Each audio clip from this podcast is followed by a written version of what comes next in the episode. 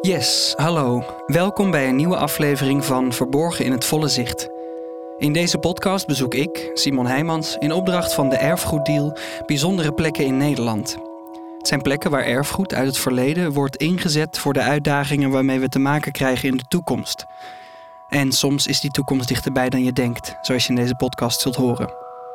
Het zijn bijzondere plekken, waar je zo voorbij rijdt, maar waarvan ik zeker weet dat je er zou stoppen als je wist wat je ziet. Ze liggen verborgen in het volle zicht en in deze podcast gaan we ze ontdekken.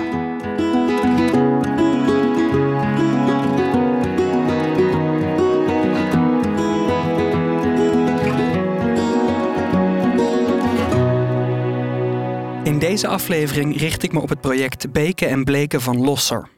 Ik heb even gebeld met Jefta van het programmabureau van de Erfgoeddeal en hij leidt ons in. Losser ligt op een stuwwal, stuwwalcomplex in Twente. Losser is een dorp aan de rand van ons land, vlak bij de grens met Duitsland, in Twente, in het dal waar de rivier de Dinkel stroomt.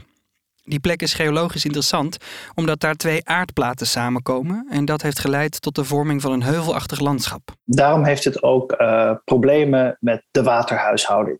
Dus zomers eh, kan het daar heel erg droog zijn. En als het regent, dan kan het ook flink regenen en staat eigenlijk het dorpscentrum van Losser ook blank. Daar moet iets aan gedaan worden en Losser heeft besloten deze problemen met de waterhuishouding aan te pakken op een manier waarbinnen het erfgoed een belangrijk aandeel krijgt. Een van de belangrijkste plekken waar jij ook zeker moet gaan kijken is de dorpsbleek. Ja, de dorpsbleek. Ik heb er nu nog geen helder beeld van, maar dat was een plek waar vroeger het hele dorp zijn wasgoed kwam bleken. En de bleek van Losser die is bewaard gebleven. De bleek krijgt nu weer een plek in de waterstromen die Losser gaat aanpakken. En dat doen ze zo dat er ook weer een duidelijkere connectie ontstaat met het nabijgelegen Dinkeldal. Die, dat Dinkeldal, dat deel van Nederland dat Twente heette, dat is echt prachtig. Losser wil graag weer de connectie hebben met dat mooie Dinkeldal. Niet alleen vanuit klimaatadaptatieredenen, maar ook vanuit de redenen van leefbaarheid en aantrekkelijkheid. Dus het plan Beken en Bleken van Losser behelst zowel een aantal plekken eh, klimaatadaptiever te maken, als die verbinding van Losser met dat mooie Dinkeldal te herstellen. En voor ik op een ontzettend koude dag naar Losser afreis, maak ik eerst een tussenstop bij iemand die me kan leren hoe ik naar Losser en omgeving moet kijken. Iemand die me de ware liefde voor het gebied kan bijbrengen. En dat is Pie de Bruin. Pie is geboren in Losser. Lang geleden, in 42, als eh, zoon van een eh, dorpsdokter. Maar inmiddels is Pie toch vooral een van Nederlands bekendste architecten. Hij werkt nog steeds met veel succes in binnen- en buitenland. Zo was hij betrokken bij de wederopbouw van de wijk Roombeek in Enschede na de vuurwerkramp. En recent tekende hij nog voor de verbouwing van de Tweede Kamer. Ik spreek met Pie af in zijn strakke kantoor in Amsterdam. Zijn assistent loopt naar een witte bar waaruit alleen een kraantje lijkt te komen met een iPad ernaast. Op die iPad wordt mijn zwarte koffie geselecteerd, die vervolgens vers gemalen uit het kraantje stroomt. Losser lijkt hier heel ver weg. Maar meteen als ik ga zitten, begint Pie als vanzelf te vertellen over de liefde voor zijn geboorteplaats. In mijn herinnering eh, is Losser een paradijselijke eh, omgeving. Een heel mooie, rustige en intieme sfeer. De allermooiste stukken van Twente bevinden zich in Losser. Het, uh, de Dinkel natuurlijk, het landschap is wat je toch bijblijft. Een landschap dat een heel eigen kracht heeft, die anders is dan dat van landschappen op andere plekken. De kracht van het Twentse landschap is echt heel groot en is heel sterk. Het volk en het land, dat is hetzelfde. Dus er is een heel sterke, intieme verbinding van de samenleving met dat land. Pie vertelt dat je zeker vroeger de gemoedelijkheid van de mensen ook terugzag in hoe het land was verdeeld. Zowel tussen de boeren onderling als ook de verdeling tussen mens en natuur. Maar zoals op zoveel plekken is dat ook in Losser wel wat veranderd. Uh, meegaan met de vooruitgang. Ik weet dat mijn eigen vader, dat was zelf ook een, uh, een mens die, die zei... Uh, al die oude kranswoningen, mensen die leven daar ongezond en is vochtig... en mooie nieuwe huizen was hij enorm voor. Dus in die geest is dat prachtige dorpscentrum van Losser... dat ik me herinner met een smederij en, en van die boerenhoeves nog midden in het dorp. Ja, dat is teloor gegaan. Zo is ergens in de tijd ook de loop van de rivier de Dinkel verlegd zodat deze het water sneller kon afvoeren. En ook is de beek die vroeger door het dorp liep niet meer te zien. Wat wel bewaard is gebleven is de dorpsbleek met daarbij het bleekwachtershuisje. Hoog tijd om daar eens met eigen ogen te gaan kijken.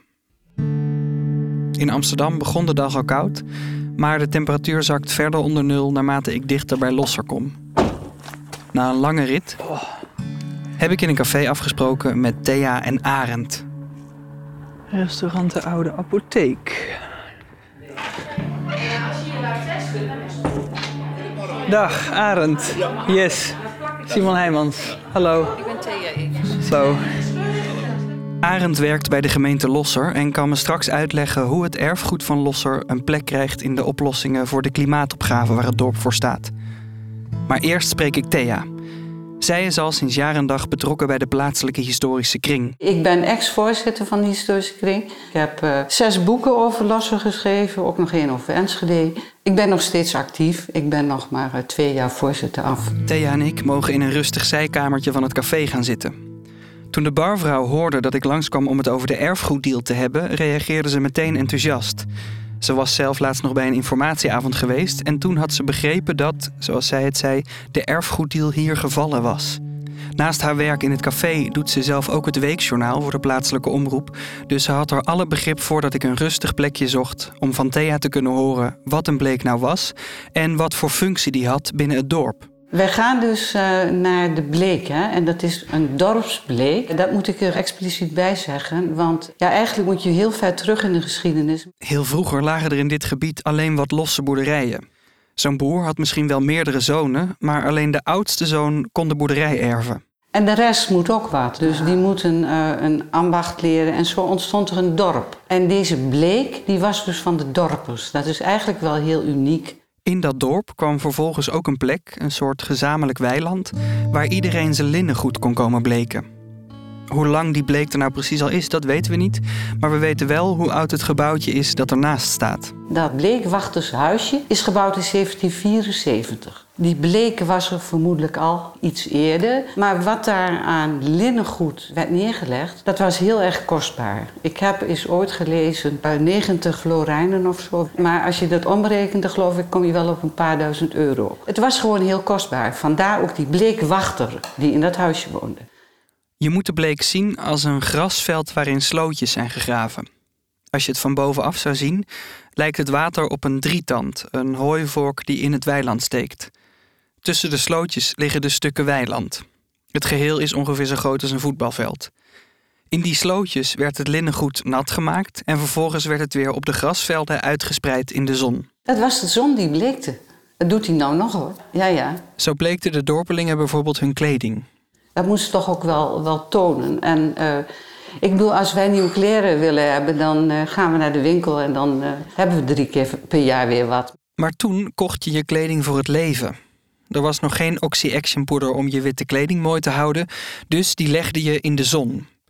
Naast de kleding van de dorpelingen lagen er ook grote linnen lappen op de dorpsbleek. Die werden gebruikt voor de thuisnijverheid die in Twente veel bedreven werd. De vlas werd uh, ook hier verbouwd, linnen van gemaakt, uh, geweven. Dat werd daar neergelegd, die lappenstof. Want ja, dat wilden ze toch wel een beetje witter hebben. Veel dorpelingen deden vroeger aan thuisarbeid. Zeker in de wintermaanden als er minder werk te vinden was op het land.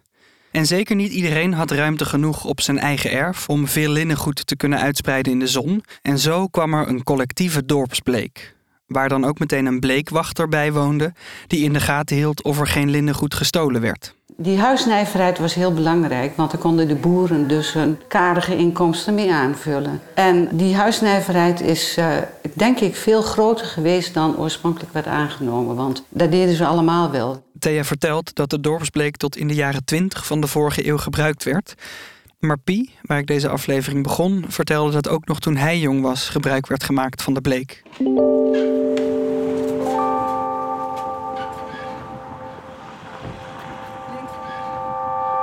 Thea, Arend en ik gaan naar buiten en lopen door het dorp richting de Bleek.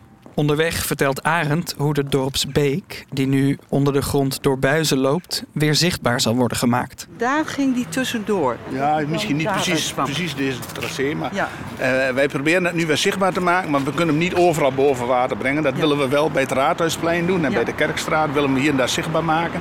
En dit hebben we dan ook via het zogenaamde bloesemlint. Hier staan allemaal bloesembomen. Zo richting dat je op die manier de loop zichtbaar maakt. zeg. Ja, ja, ja. De temperatuur lijkt steeds verder te dalen en er hangt een ijskoude mist in de lucht. Alsof de wolkjes adem die we uitblazen blijven hangen en zich steeds meer ophopen. We zijn hier wel op een magische dag, Ja. om het zo te zien. Ja, zo, nou, ik neem aan, we mogen er wel oplopen. We gaan door een hek langs het bleekwachtershuisje het terrein van de bleek op. Dit is dus de dorpsbleek. Ja, je ziet hier die sloten. Nou, dat zijn die bruggetjes waar ze dan op gingen staan en om het water eruit te halen. Nou ja, en hier lag het dan eh, allemaal. Vanaf hier neemt Arend het over. Hij staat aan het hoofd van het project waarin de beek en de bleek worden aangepakt. Ik ben eh, projectleider, meer een generalist met een technische achtergrond. Ik zorg ook dat ik een soort omgevingsmanager ben, dat ik ook de omgeving zoveel mogelijk betrek met de planvorming en zo. Dus dat we dat in goede banen leiden. Door steeds grotere klimaatverandering is het nodig om de waterhuishouding van het dorp toekomstbestendig te maken. Hier uiteraard met de verdroging, dat is denk ik eh, de jaren voorgaand niet zo voorgekomen als in 2018 en 2019. Nee hoor, ik zeg, ik eh, schrok erg toen ik hier dit zomer kwam. Ja, dat was droogte, maar ook Ja. veel. In 2018 nog heeft het hele raadhuisplein nog blank gestaan. waar ja, we daar, eh, ja, en de hervormde kerk, die... ja. In 2010 hebben we enorme water, in augustus enorme wateroverlast gehad in Twente. Toen heeft zelfs de snelweg de A1 richting Duitsland heeft helemaal blank gestaan. Toen was in heel Twente was echt enorme wateroverlast. Ik dacht dat het om donderdagmiddag was. In de afgelopen jaren is het zowel voorgekomen dat het dorp blank stond, als dat er te weinig water was. Toen stonden ook de slootjes van de Bleek helemaal droog en konden de vissen die er normaal gezien zwemmen nog ternauwernood gered worden door de plaatselijke visvereniging. Dat was alleen een goede tijd voor de reigers, vertelt Arend, want die hadden dan meteen beet in het ondiepe water waarin de vissen nergens meer naartoe konden.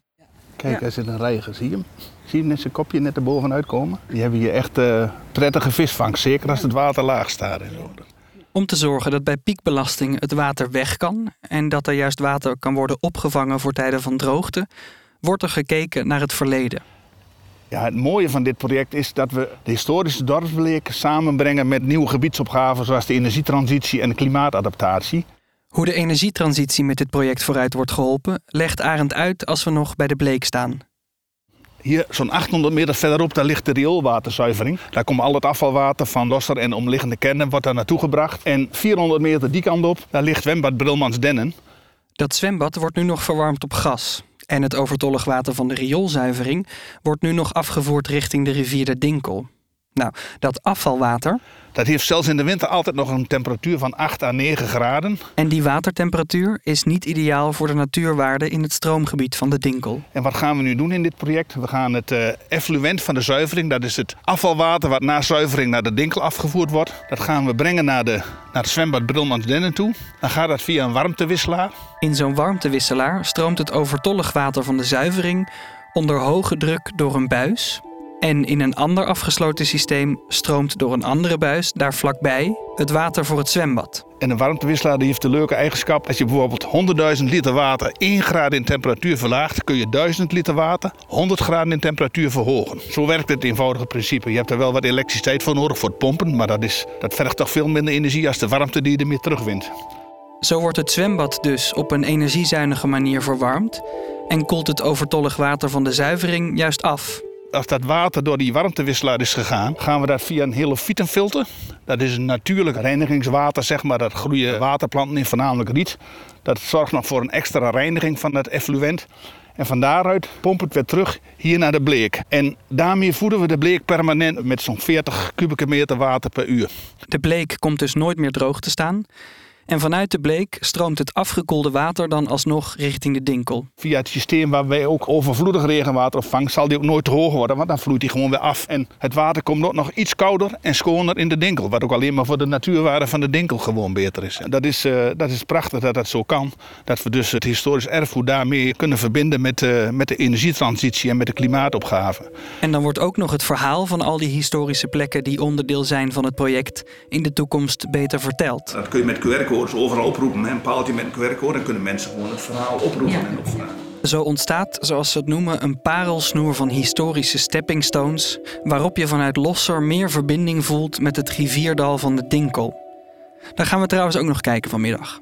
Want dat is dus de plek waar straks het afgekoelde water vanuit het dorp naartoe stroomt. Vanmiddag ga je in gesprek met Harm Sweenke. Die heeft vooral onderzoek gedaan van hoe je zelfs tot 150.000 jaar terug... hoe je in de bodem kunt zien wat de historie is van, van die dinkel die gewoon... Ja, door de, door de... Harm Smeenge is historisch landschapsecoloog. Hem gaan we ontmoeten aan het einde van een doodlopende weg in het Dinkeldal. Ik rijd achter Arend aan het buitengebied van Losser in. Normaal gezien, als ik achter iemand aan moet rijden, ben ik licht gespannen voor het moment dat op een kruispunt ander verkeer tussen onze auto's zou kunnen komen, waardoor ik de auto voor me uit het zicht zou verliezen. Maar nu is me al snel duidelijk dat dat hier geen probleem zal zijn. Er rijdt geen ander verkeer en het prachtige achterland verstopt zich meer en meer in de koude mist. Tot we niet ver meer vooruit kunnen kijken. Met elke meter die ik verder rijd, lijkt het of in de verte snel een stukje landschap door een onzichtbare hand moet worden bijgetekend. Over alles wat op een andere dag gekleurd zou zijn in felle herfstkleuren, ligt nu een witte waas. We worden gepasseerd door een tractor met daarachter een platte kar waar tien mannen op zitten met hun benen bungelend langs de zijkant. Ze zijn al snel niet meer te zien. Het krachtige landschap heeft iets mystieks, alsof je de historie vandaag in de lucht kunt zien hangen.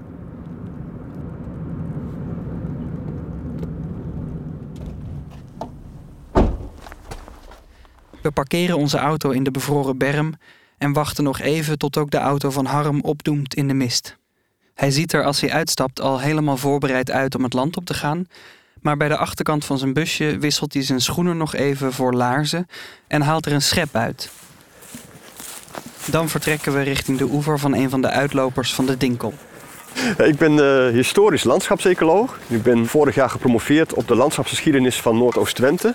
Een onderzoek naar de wisselwerking tussen de aarde, de natuur en de mens. Harm kijkt door te graven in verschillende aardlagen hoe het landschap eruit zag voor de mens het landschap ging vormgeven.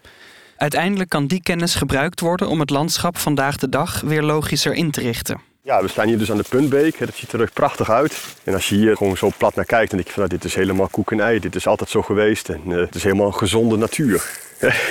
dat dacht ik ook toen ik hier met mijn onderzoek begon. Maar als je iets beter kijkt, dan zie je dat die beek eigenlijk heel diep ingesneden is. Harm vertelt dat dit landschap ooit bestond uit allerlei brede beken die in elkaar overliepen met een diepte van ongeveer 30 centimeter.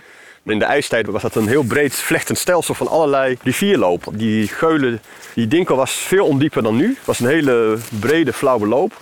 Nu staan we bij een smalle beek, waarbij in een bocht de oever zo ongeveer 2,5 meter hoog is. De beek is diep ingesneden geraakt, zoals dat heet. Dus die beken gaan gewoon geleidelijk aan door de tijd, snijden die zichzelf steeds dieper in in het landschap. En dat betekent uh, dat die beken ook de grondwaterstand gaan beïnvloeden. Als zo'n beek uh, zeg maar uh, 100 jaar geleden een meter hoger heeft gelegen, dan betekent ook dat het grondwater rondom zo'n beek, dat was ook hoger. En dat strekt zich in de volle breedte langs zo'n beek strekt zich dat uit. En uiteindelijk is zo'n beek een beetje het afvoerputje van zo'n heel landschap. Hierdoor krijgen aanvankelijk bomen die vlak bij de beek groeiden te weinig water. Maar het probleem strekt zich steeds verder uit, ook naar de omliggende akkers. Dat betekent ook dat die graslanden ook te lijden hebben van die droogte. Dat er dus minder sneden gras van het land afkomen. Of dat de gewassen gewoon echt letterlijk in de zomers verdrogen. Harm vertelt dat dit gebied altijd wel aan verandering onderhevig is geweest. Dus het landschap is echt ontzettend dynamisch. En ook in de grond zie je daar uh, allemaal aanwijzingen dat dat uh, heel, heel afwisselend is geweest door de tijd. Maar sinds de mens het landschap maakbaar achtte, is dit in een stroomversnelling gekomen. Snelle afwatering werd belangrijk. Hier werd bijvoorbeeld landbouw bedreven en in dit gebied werden grote hoeveelheden stenen getransporteerd uit de nabijgelegen groeven. Zo rond 1650 liep hier een transportroute die je kunt vergelijken met een grote snelweg vandaag de dag. Een landschap van ondiepe beken die steeds overstroomde was dus niet handig en er kwam behoefte aan snelle afwatering. De beken werden op een door de mens gekozen plek dieper uitgegraven en hier en daar verdween ook het meanderende karakter. Zo'n diepere, rechtere beek gaat sneller stromen en neemt dus in een bocht ook meer zand en klei mee. Zo snijdt de beek zichzelf op die plekken steeds dieper in. En zo laat Harm zich dus vandaag zakken langs de oever van de beek, die inmiddels 2,5 meter boven het water uitsteekt. Zo, dat is wel even spannend hier. Ja, wat je hier dus ook ziet is uh, vrij meanderende beek, zoals dat heet. Dus dat betekent dat ja, als er hoog water is, en dat is nu ook nog wel een klein beetje, en dan heb je een buitenbocht, daar uh, schuurt het water langs en dan kalft de oever af. Dus dan heb je vaak aan de buitenbocht een steile oever. Dat zie je langs de Dinkel ook heel mooi, en de Groene Staat bijvoorbeeld. En uh, zo'n oever dat biedt ook een soort profiel waarin die verschillende aardlagen heel mooi zichtbaar zijn. En dat is voor Harm zijn onderzoek heel bruikbaar om terug te kunnen kijken in de tijd. Om zo te zien hoe het landschap er ooit uitzag en dat dan als leidraad te laten dienen voor de inrichting van het landschap vandaag de dag. Zo werken verleden en heden dus weer samen. En dat onderzoek is niet iets dat alleen maar in een laboratorium plaatsvindt met ingewikkelde dateringen. Nee, Harm kan het ons ook hier meteen live laten zien. Dan ga ik met de schep even die oefenwand een beetje afschaven. Hij schraapt een heel dun laagje van de zijkant af. En dan komen die sporen eigenlijk heel mooi aan het daglicht. Ja joh. In de eerst nog grauwe zijwand van de beek verschijnen nu lagen in verschillende kleuren. Allemaal gevormd door weer een laagje zand of klei dat daar ergens in de tijd is blijven liggen. Harm maakt hier met zijn schep een soort CT-scan terug de tijd in. En dan gebeurt er iets bijzonders. Even wordt heel tastbaar hoe wij verbonden zijn met de mensen die ons voorgingen. Na alle verhalen over hoe hier ooit een belangrijke transportroute was, kan Harm nu fysiek een hoefafdruk van 400 jaar oud uit de zijkant van de beek halen. En die, die, die kringen die ik daar eigenlijk zo zie, dat, dat is werkelijk een hoefafdruk. Dit is eh, werkelijk een hoefafdruk. Ik kan hem er ook zelfs nog even uitscheppen. Nou ja. Want wat ik hier op de schep heb liggen, van bovenaf, ik weet niet of je dat kunt zien. Ja. En van dit is zeg maar de hoef die er zo bovenin in het zand. Hier is dus echt een paad. Dit is gewoon ja, 400 jaar oud. Nog even voor de duidelijkheid. Het gaat dus niet om een bepaalde aardlaag waarin je alleen met hele specifieke kennis kunt zien dat er waarschijnlijk wel ooit paarden gelopen zullen hebben. Nee, als je tegen de zijwand van de beek aankijkt, zie je op een bepaald punt halve cirkeltjes als een soort kommetjes tussen de andere lagen liggen. Elke halve cirkel is één hoefafdruk. Dit is één paard wat heeft die laatste afdruk gezet Ja. en die heb je hier nu. Die heb ik hier nu in de schep eh, liggen, ja. Ongelooflijk. Ja, hè? Ja, dat is ook echt waar. Ja, je hoort, ik beleef hier een plotselinge, intense, tastbare verbinding met het verleden. En dat deed me denken aan iets dat Pieter Bruin zei in zijn architectenkantoor in Amsterdam. Ik had het met hem over de waarde van erfgoed, van plekken met een verhaal. Kijk, van je vader weet je nog iets, en je moeder. Van je grootouders nog een beetje. Maar wat daarvoor, je overgrootvader, weet je niks van. Die, je hebt geen flauw idee. Er zijn misschien sommige in sommige families nog van die stambomen... en dan wist je nog wat hij deed. Of, maar dat is heel snel verdampt, dat weet je niet. Dus die, de, je, je armlengte is 50 jaar hoogop. En je, een generatie is ongeveer 25 jaar, min of meer, dus twee generaties. En dan is het weg. Maar doordat op bepaalde plekken die historie opgeslagen ligt, zeg in een hoefafdruk in de zijkant van een beek, of in een dorpsbleek die niet meer wordt gebruikt, maar wel nog steeds aan de rand van Losser ligt, Daardoor weet je opeens, hé, hey, die mensen toen, dat waren onze voorvaders. Dus door de fysieke aanwezigheid kan je je een beeld vormen van die tijd. Als dat er niet was, had je gewoon helemaal nul beeld. Dan, dan was je net als een aap die niet op zichzelf kan reflecteren. Dus via dat bestaande, dat erfgoed, kun je ook op je eigen conditie reflecteren. Eh, Dat geeft je dus een spiegel, waardoor je een rijker beeld van jezelf en van je samenleving krijgt. En dat is precies waarom Losser ervoor kiest om haar erfgoed te behouden en in te zetten voor de toekomst. Op een manier van nu stroomt straks het water weer zoals het ooit stroomde. En dan staat het dorp weer in verbinding met het Dinkeldal.